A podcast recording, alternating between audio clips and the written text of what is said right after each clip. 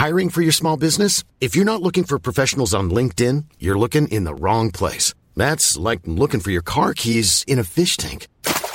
LinkedIn helps you hire professionals you can't find anywhere else, even those who aren't actively searching for a new job but might be open to the perfect role. In a given month, over 70% of LinkedIn users don't even visit other leading job sites. So start looking in the right place. With LinkedIn, you can hire professionals like a professional. Post your free job on linkedin.com slash people today.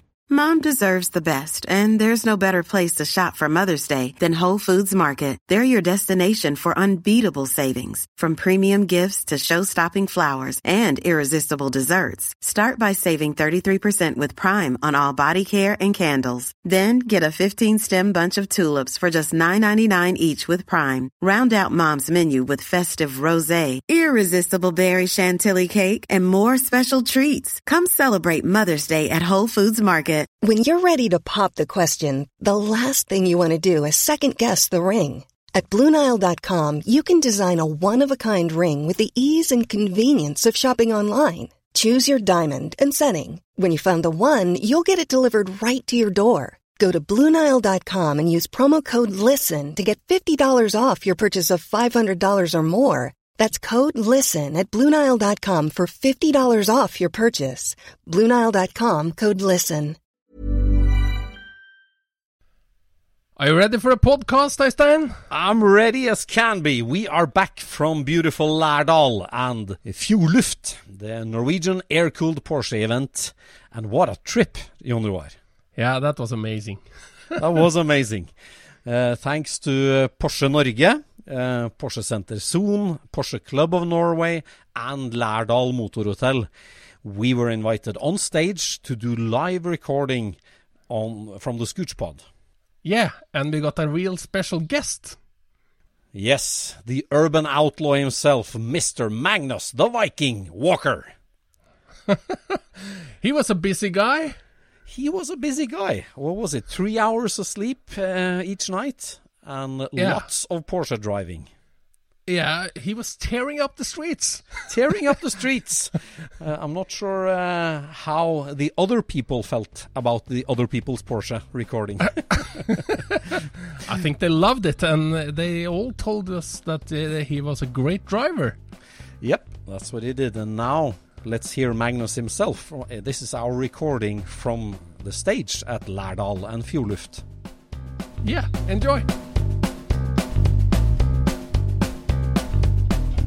Du lytter nå til Scootspodden, en norsk podkast om klassisk bil med Jon Roar og Øystein.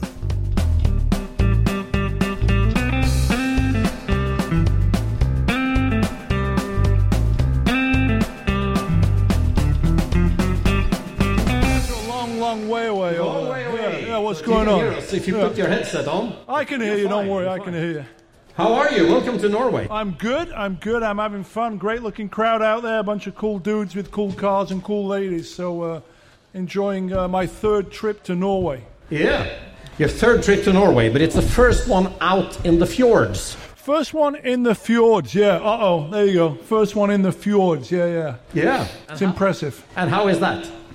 It's epic. I mean, you know, I'm always talking about get out and drive and just look around. You got this scenery and these uh, great roads to drive, and more importantly, you know, you got people that allow me to drive their cars. So for me, that, that's pretty awesome. Now that's one thing we need to talk about because uh, you have your own t- uh, show, OPP, Other People's Porsche. Yeah, you know, it's a spin off the rap song. Yeah, you know me, I'm down with OPP. You guys know that song, right? You know. Yeah, yeah. And I mean, you uh, yesterday you took uh, filmed one episode of OPP, and we talked to Johannes, the owner of the 930. Yes. He was still shaking. Still shaking. well, you know, shake, rattle, and roll. You know, he's a cool dude. Obviously, he's uh, put this whole thing together at this uh, this environment, which is is pretty spectacular. It's a bit mind-boggling because for me, you got the scenic beauty of the fjords, and everywhere you look, it's just the sun comes over the ridge, and there's waterfalls coming down, and it's this. I don't know how many hundreds of year old Viking town that we're in, but it almost feels like a Hollywood movie set where I'm going to walk behind the barn and there's just a bunch of guys filming everything, and you're in this sort of twilight zone. Or I was just talking about this TV show, The Prisoner, where the guys trapped on an island in the 60s and 70s, and it's it's got this oddball vibe that you know I'm thinking there's probably some secret coven cult that's meeting somewhere, you know, doing some Viking sculling type thing. So that's just how my my mind sort of works. So you know, for me, it's it's a really unique space but we're all here for a common bond, really, of, you know, the cars. And, you know, I always say it's the car that brings people together from all walks of life. Yeah. And this is a perfect example of that. So uh, I'm happy to be here. We are happy to have you here, man. Skål! Skål! I do like saying skål. You do like saying so. Oh, I, I mean, driving the car like you did yesterday, hard and with a purpose, the 930. You took it out on mountain roads, the car owner sitting next to it. Driving is really important to you. Yeah, for me, you know, it, I say this all the time. I've said it before, but driving's like therapy. When you're in the car, you know, I'm not really thinking about what's happening in the world. It's completely disconnected. You know, it's just a matter of you know trying to get the most out of the car, brake later, get on the gas earlier. It's this thrill, this emotional connection. You know, and if you get in a car that's hooked up right, that just gives you confidence straight away, which was Johannes's car yesterday. I've driven a lot of turbos, but I haven't driven his, so I felt comfortable straight away on a road that I'd never actually driven on. But um, you know, it's just it's exciting. You know, uh, I arrived in Oslo on Wednesday night at midnight, and I'll tell you, since I've been here, I slept three hours on Wednesday night. I slept three hours on Thursday night, and last night I slept about four hours. So I'm in this fuzzy twilight zone, jet lagged. I drove from Oslo to here, and then straight into six hours of filming. But the point I'm trying to get to is. I felt more energized when I got out of the car than I did when I got in the car because the blood is pumping. You know, you, you watch that needle climb towards red line, and you back off, and that wastegate opens, and the boost pops, and it just all the senses are tingling, and it's like the more revs you get, the more blood's pumping through your heart, the more excitement, the more energized I become. So for me, driving is not like a, a way of going to work or going from A to B. I don't actually drive that much. I walk more than I drive, but I would say 90% of my drive time is pure pleasure, Yeah. meaning it's a thrill ride. It's not stuck in traffic in LA commuting to work going 10 miles an hour.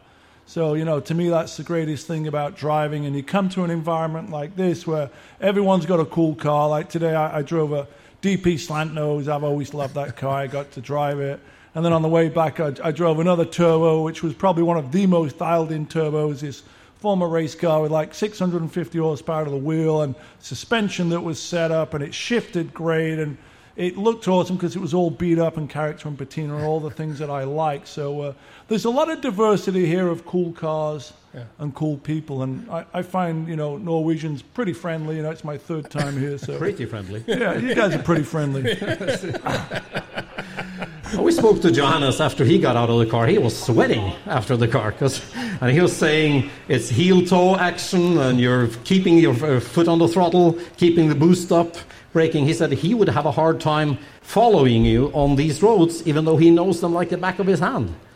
Didn't he grow up here? I mean, he's, he's been here forever, right? He, he, he's a real Viking, the, the, the real king of the city. Now, for me, you know, I like spirited driving. That road there, it's an awesome road leading up to, uh, um, you guys know it, the Black Church. And uh, he's pretty much all second gear in a turbo, you know. It's like, you know, you don't really need to shift. You can shift, but, you know, it's fun to shift up and down gears. But uh, the key with those turbos, really, that I find is you cannot short shift in them. You really got to run them up to red line and shift at red line. If you want to make speed, you got to maintain boost. And then things like left foot braking, get a little bit of weight on the front, bit of bite on onto the front end for turning, but also you're not coming off the throttle, so you're not losing turbo pressure. That then you have to wait for it to spool back up again. So uh, for me, it's about coordination, high and you know uh, hands and eyes and feet and. Uh, but ultimately, it's about having fun and just trying to get up that road as quickly as possible. You're not joking around when you're driving, Magnus. Well, you know, It's a serious mis- business. I never said I was a funny guy. But with with OPP, with other people's Porsches, I mean, do they all let let it all hang out? Is it all up to you to drive, or uh, do you meet owners that are s- scared of the car? Um, I've shot 15 episodes so far. I'm actually shooting a couple of episodes here. No two are ever the same. You know, it, it's more, OPP is more about me showcasing other people's cars, sharing their cool stories, their cool builds, I'm all about variety. So, you know, it's everything Porsche's made from front engine, mid engine, rear engine, hmm. both air and water cooled, kind of like what you've got going here. You know, so for me, it's it, it's just I want to drive cool cars, and if I can make a show driving cool cars, other people's cars that I don't have to own, you know, I always say to you don't have to own them to experience them. So for me, it's it's I'm in a lucky position that people allow me to drive the cars, so I'm really honored. I know you're heading to uh, England on Monday for a cars and coffee thing there. I mean, Porsche people, are they the same kind of guys in every country, or is it uh, very different? Yeah, I mean, first of all, I got to say, Porsche people are different to other car people. You know, they're certainly different to Lamborghini people and Ferrari people. You know, Ferrari people will wear the Ferrari hat, shirt, gloves, everything. Porsche people are not quite that crazy, but generally the common bond is the people, Porsche people globally, obviously have the same interest of being attracted to the cars. That's what brought everyone out here, you know. Hmm. So I, I think it's a common bond. I say we all speak Porsche. It's a common language, and by that I mean, you know, you don't necessarily have to speak Norwegian to communicate. You guys, you know, we, we're speaking Porsche, you know, and that's that's the bond that brings us together. So I I think Porsche people are pretty similar wherever you go in the world because Porsche is an aspirational vehicle, whether you're buying an entry level Boxster or whatever the latest greatest Weissach GT3 RS is. People want to aspire to owning a Porsche because ultimately it's about the drive. Uh, I think that's what brings people together. For me, it's the build, the drive, the community. But if it wasn't for the people, these are just vehicles that don't get driven, right? So I'm all about high mileage cars, cars that have got a lot, mo- lot of miles on them. I'm not really interested in someone telling me about their car with 50 miles on it that they don't drive because these things were built to be driven. I mean, driving is one thing. I mean, you uh, are an artist, and you, you, you brand yourself as an artist. I mean, is the cars for you are they a canvas to expose art, or is it all about function? Because you, you, of course you, you have your perspective on the cars and your, your look on the cars. Yeah, I mean, for me, when I customize the cars, you know, whether it's a graphic package like the 914 or the 993, for me, it's an expression of what I'm into. My background with Porsche really is late 60s, early 70s, the golden era, everything from Vic Elford, Monte Carlo Rally to the first 917 win at Le Mans. Mm. But ultimately, I like bold color combos and graphics. But mm. I'm not that guy that has to emulate, wow, Martini livery, you know, Gulf livery. I'm not necessarily. I've seen so much of that that I'll take inspiration from that Martini livery, but I'll tweak it where you don't really know that I borrowed from the Martini livery. Hmm. I'll do it in a different way where it's not so obvious Martini stripe. And for me, inspiration is all around. My background's rock and roll. So what I've done with my builds is add my own personality, which might be a little more edgy to you know what might be the stereotypical Porsche sort of reference and vantage. You know, and for me, I think that's in a way what separated me from other people. But ultimately, this is a hobby. It's not a business. I don't build customer cars. Seldom do I even sell a car. So for me, it's a passion. I'm an enthusiast, and uh, I think we've got a, a venue full of passionate, enthusiastic people. Otherwise, they won't be sort of here, you know, in this beautiful environment. Very much so. And I think the, the mixture of your, your cars with, uh, I mean, the racing purpose. I mean, you've done a lot of uh, track days racing. Then it's about function, and then it's about the looks and, and, and the, uh, the perspective of the car as well. I mean, uh, the modifications you do to your car that you intend to race with or, or drive fast with. You then think about aesthetics as well, or Yeah, I mean, for me, it's a whole package. You know, I mean, you have to know what you're going to do with the car as the end purpose. Like, I've seen a lot of guys do what I would call overbuild track cars for the street, and then they don't perform on the street. You know, they'll have these cams that are real peaky, where you know you go from idle to throttle, and the super jerky, and you know, all, all the, the performance is all on the top end, which is great on a racetrack, but yet. You know, if your car revs to 8,500 RPM and makes all the power above 5,000, that's great on a racetrack, but it's not necessarily great in stop and go bumper to bumper traffic. Hmm. You know, so for me, I like to build streetable track cars or what I call these sport purpose cars that really were inspired by that period of everything from the 911R to like, you know, the baby 934 turbo over there or RSRs. So it's form and function. You know, when it comes to Porsche compared to other cars, you get in any Porsche, but specifically a 911, it just ergonomically feels right. Visibility's great. There's plenty of headroom. The pedals are perfectly placed. You know, they're not off center like too much like they might be in a Lotus where your legs are over to the left and your hands are to the right. Everything's centered on a 911, you know. Sounds so Italian. Sensible. yeah, you get in an Italian car, right? And my head's hitting the windshield, and your arms are out there because you can't get the steering wheel far enough back, and the pedals are like six inch off center in the footwell, and the footwell's cramped because you know the wheels there. And you go, who designed this? Oh, it's an Italian car, right? Yeah, it looks great, but doesn't necessarily function. So everything Porsche, even if it's you know a 914 or a 356 or whatever it may be, 924, all the front engine water cooled cars, transaxle cars. They're all ergonomically, first of all, very comfortable. Visibility is great. You can get in and out of them pretty easy. You know, you don't have to be a ballerina to get in them. so for me, you know, I'm drawn to design things that I'm attracted to aesthetically, cars, art, architecture, music. So I mm. do talk about inspiration being all around. You know, you look here, the scenery, it's, it's pretty inspirational. Hmm. So for hmm. me, that's kind of it. You know, it's I build things as, like I say, this streetable sport purpose, not full blown track car, hmm. just so they become usable. Yeah. That way you can use them all the time. You know, like there's nothing worse than a car that doesn't perform great on the street, or it's really difficult to engage gears, or you know, just a Yeah. whole myriad of things. Or people that overbuild cars that are too stiff and they're hopping around, so you're losing traction and stuff like that. But when uh, when uh, you buy a car or build a car, you want the car to describe yourself, present you uh, in a, in a way. Do you uh, uh, do you want people to personalize their car so they um, better fit themselves, or do you think that the Porsche made it the right way? Well, Porsche definitely made it the right way, but it's a blank canvas you can add your own sort of interpretation to, right? You own it, do whatever you want. I mean, it's interesting. I, a couple of years ago, I bought a 2014 991 Turbo S, like King of the Hill car a couple of years ago. And I bought this one with 160,000 miles on it, one owner car, for pennies on the dollar. It now has 174,000 miles on it, but with one mature owner. It wasn't five bros thrashing the crap out of it, trying to make a thousand horsepower. And when I first got it, 991 Turbo S in silver in LA, it's a pretty common car. And I didn't actually click with it. It did everything great, but I was disconnected. It was fast, but yeah, you know, it, the sensation of speed, like doing triple digit speed in a new car, feels slower than doing triple digit speed in a 66 911. So it wasn't as engaging. It was too sort of insulated. And the real test was when I got out of it, I didn't look over my shoulder at the car. That's the big test when you walk away. Are you looking at it? No, I wasn't.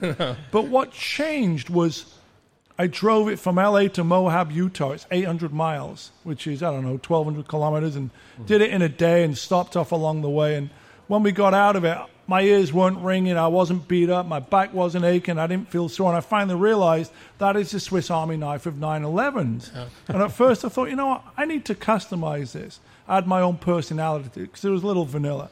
But in the end, all I ended up doing was just painting the hood flat black, and I left it at that. Not everything necessary. You know, that's like my grocery getter. So, you know, but, you know, it's a grocery getter. You can do a thousand miles in a day in it. But if you want to rip up your favorite road, it's almost as fast, if not as fast as anything else. So, you know, uh, not everything I own is modified. Like half the cars I own, like the early turbos, they might be lowered on bigger wheels and tires, but they're not they're not modified. So I always say the car determines if it gets modified or not. And by that I mean I had a 67S that wasn't a numbers matching car.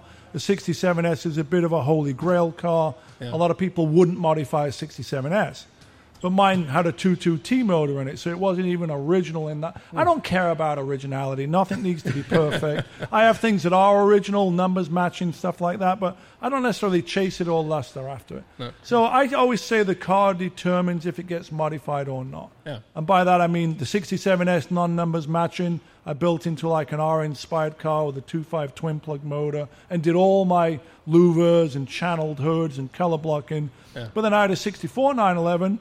Porsche only made 232 of those, the beginning of everything, which was slate gray with a red interior that needed uh, restoration. Obviously, I'm not stupid enough to modify numbers matching 64 911. So I always say the car determines if it gets modified or not. But does it give you as much pleasure to own it, a matching number original car or a modified one? Oh, Well, you know, they don't drive any differently, you know, and perhaps modified cars even drive better. Um, I like what I have. I'm proud of the numbers matching cars I have, but you know, to me, it's not bragging rights of oh, I've got a 75 turbo that's numbers hmm. matching. Some people get all obsessed about that. Hmm. you know, I'm not that guy that gets obsessed about you know correct shade of cad plating and powder coating and numbers matching. Great if you've got it, but to me, to me, I'm about smiles per mile. Hmm. You know, and you can't put a price on that as opposed to you can put a price on well, this is numbers matching, but that's not. So this one's worth more money.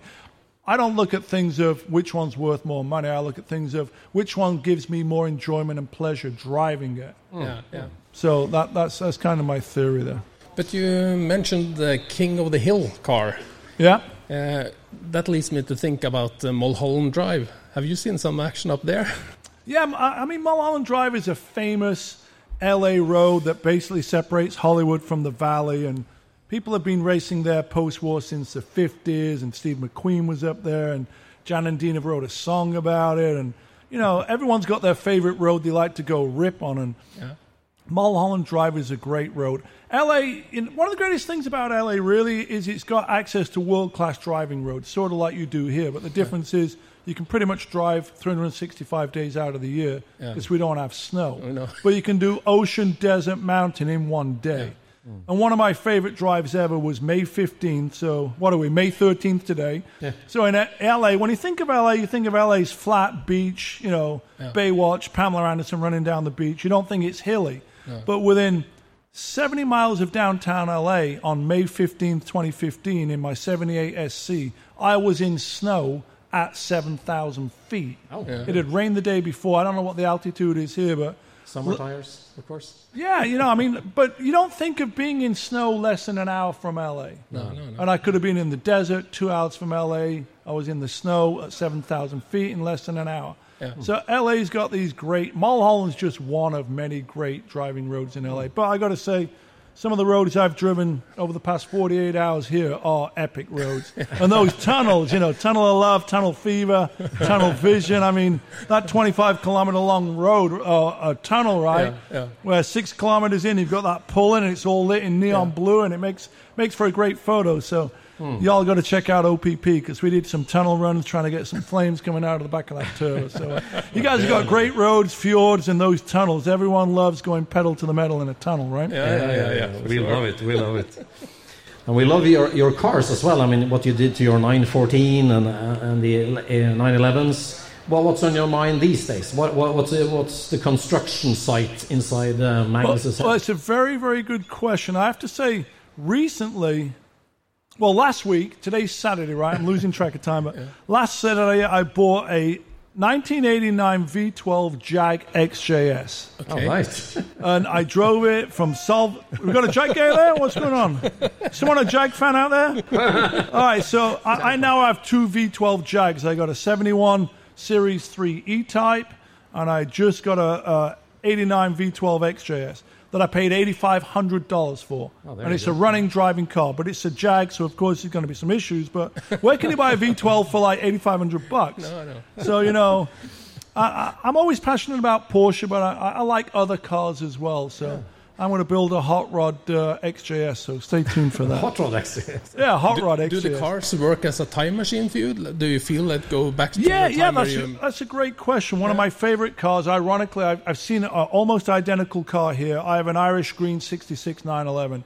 Who's got the Irish Green 67 911? There you That's go. yours? There you go. So I have that same car, but mine's 66. So to answer your question, if I want to go back in time, I was born in 1967, so I'm all about the 60s, but I can't time travel. No. But I have a numbers matching Irish Green 66 that if I want to imagine what it was like in 1966, I just get in that car. Yeah. And it's got all the patina, the carpet's worn out, the steering wheel wood is worn, and it's just a time warp. It's got that great thing that all old cars have. People talk about new car smell, right? No soul, whatever it is. Old car smell. Old 66 911, it's oil and gas and sweat and blood and tears and spilt coffee. and you can't, you know, you should bottle that up and sell it, you know, that scent. It's like odor outlaw, Great you know. business idea. Yeah, so there you go. You know, it's like patchouli scented oil and gasoline. So yeah, cars make me think about going back in time. Yeah. Hmm. You know, it, it's a nostalgic thing, Yeah. and every car is like its own adventure.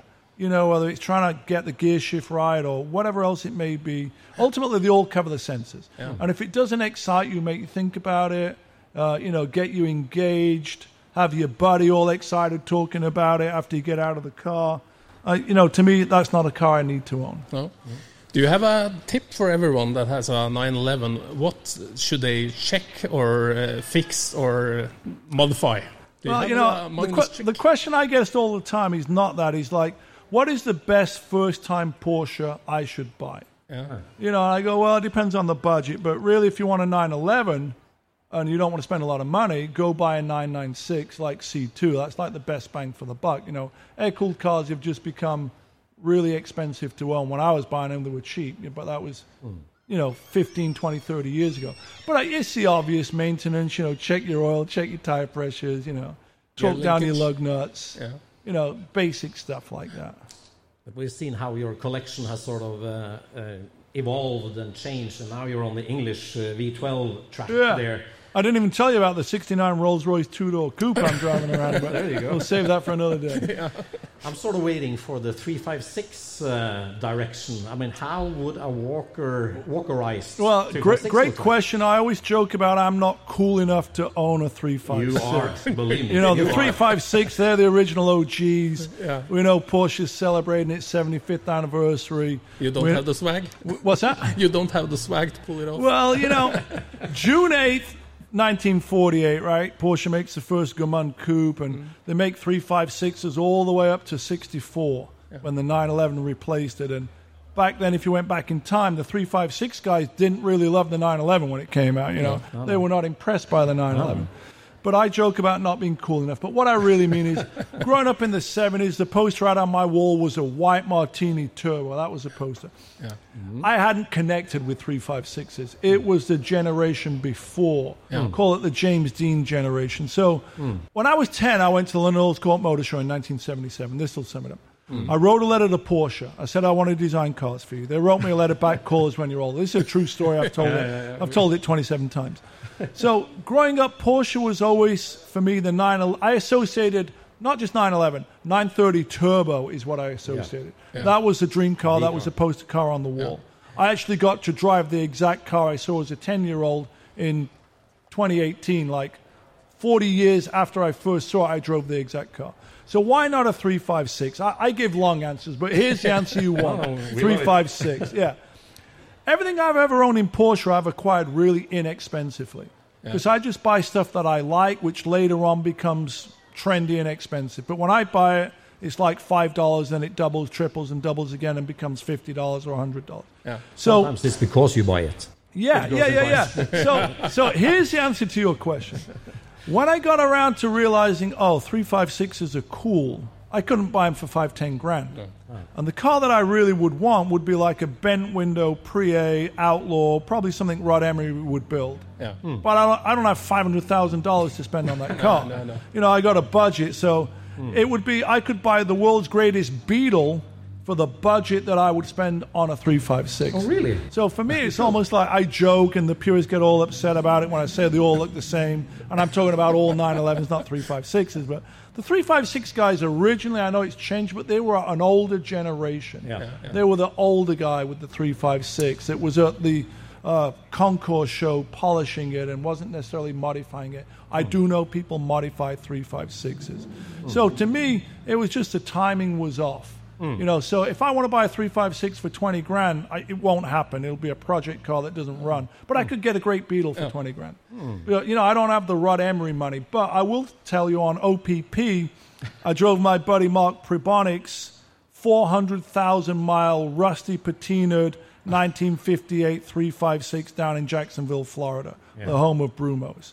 We drove it on the beach. And the greatest thing about Mark Probonic and his 356, he's driven over 300,000 miles in this car. Yeah, yeah, he's covered 44 of the states in America. yeah. He will drive from Florida to Rennsport Reunion at Laguna Seca. Hmm. And if, if you know how big America is, that's a long way to go. So, you know, they're cool. And uh, at one point, I will own one. I just haven't got there yet. But there's a couple of really cool ones here as well. So, uh, What, what would you do to it? Just shortly? I mean, is there is there any design feature that you would enhance? It would kind of be like that black bent window one out there. I'd take the bumpers off, and you know it'd be lowered, but it would, it, it would have some patina and a bit of a hot rod motor. Uh, that that's kind of what it would be. And then color combo wise, I don't know. I, I kind of like the idea of one that's beat up, but all the underpinnings underneath are new. So it handles, it's tired, it's a little screamer, it's fast, and then you know we can go rip up mountain roads trying to chase turbos down in a short wheelbase outlaw bent window. That pre A, that would be my three five six. There you go. When you get back, when you get back to LA now, after all this and London and everything, Yeah. you get back and you want to shake it all out or shake it all off. Yeah. What car do you get in? Well, first I'm going to walk my dog Willow, uh, but you know it, it all. Your de- girlfriend. Your- Hannah. well, Yeah, I guess. it, it all depends where I want to go and how I want to get there. My favorite car is 277. Uh, 18 miles from downtown LA, we've got this road called Angeles Crest Highway. That's the one where I'm in snow in May. Goes up to 7,000 feet. So the big sort of therapy session of getting out and driving is, you know, if I really want to be connected, it's 277 because that ticks all the boxes for me. It's super engaging. You know, Taproot car. what's that? Taproot car. Yeah, yeah. yeah. You know, it, it, it's not the world's fastest car, but it's the car most connected to. It's a car I've owned for almost 25 years. Mm. It's a 1971 And you have a really interesting detail there because you have the, the later mirrors on it. Yeah, yeah. Well, ironically, when I bought the car at the Pomona Swap Meet in 1999 for 7,500 bucks, Yeah. it had the aero mirrors on it. Yeah. And of course, all the Porsche purists were like, "Your mirrors are wrong," and I go, "Yeah, I, I don't care because they're extremely functional. Hmm. I, my rear visibility is great. Yeah. You know, the early round mirrors, yeah, they're okay, but the Form, aero full mirror, function. yeah, I'm like, I don't care. They were on the car when they got it, and I like them, and visibility is great. So they've always been on the car. A quick last question that you don't have to answer. Okay. Did you also send an email to a Ferrari and Lamborghini? I never. Well, there was. It wasn't an email. I wrote a letter Yeah, yeah, a and letter. put I it in an envelope, Yeah, and it went to. Stuttgart. Slip of tongue. Slip of tongue. Yeah, that's, that's another story. But I will tell you one thing to end on.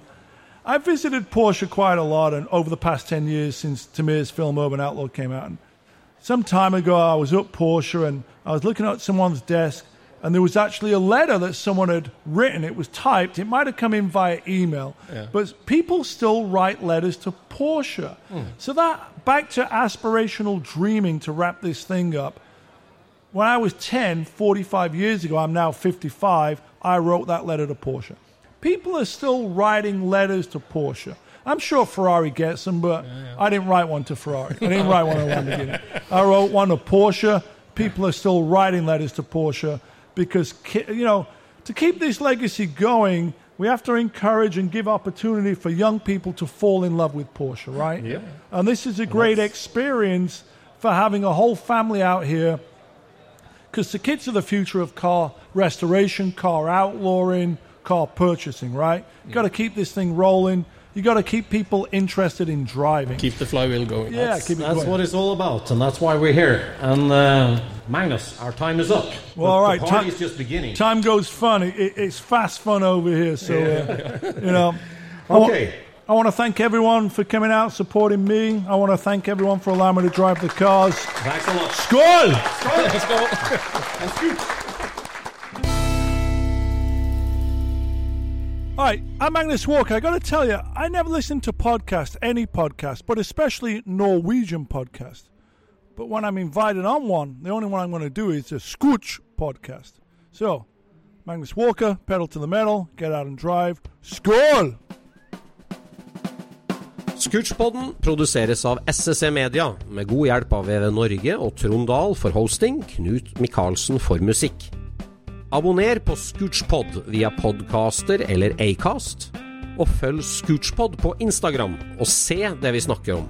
Der kan du også komme med kommentarer og innspill, og fortelle oss hva du vil høre om.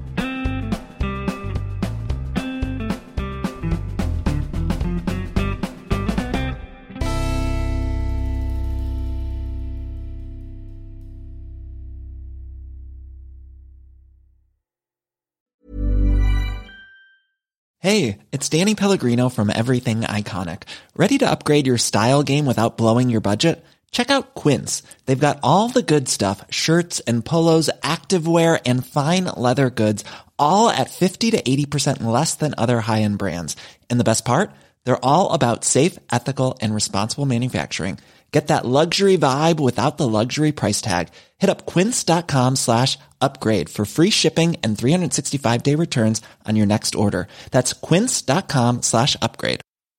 Mom deserves the best, and there's no better place to shop for Mother's Day than Whole Foods Market. They're your destination for unbeatable savings, from premium gifts to show-stopping flowers and irresistible desserts. Start by saving 33% with Prime on all body care and candles. Then get a 15-stem bunch of tulips for just $9.99 each with Prime. Round out Mom's menu with festive rosé, irresistible berry chantilly cake, and more special treats. Come celebrate Mother's Day at Whole Foods Market. Hey, it's Paige DeSorbo from Giggly Squad. High quality fashion without the price tag. Say hello to Quince. I'm snagging high-end essentials like cozy cashmere sweaters, sleek leather jackets, fine jewelry, and so much more. With Quince being 50 to 80% less than similar brands. And they partner with factories that prioritize safe, ethical, and responsible manufacturing. I love that. Luxury quality within reach. Go to quince.com slash style to get free shipping and 365 day returns on your next order. Quince.com slash style.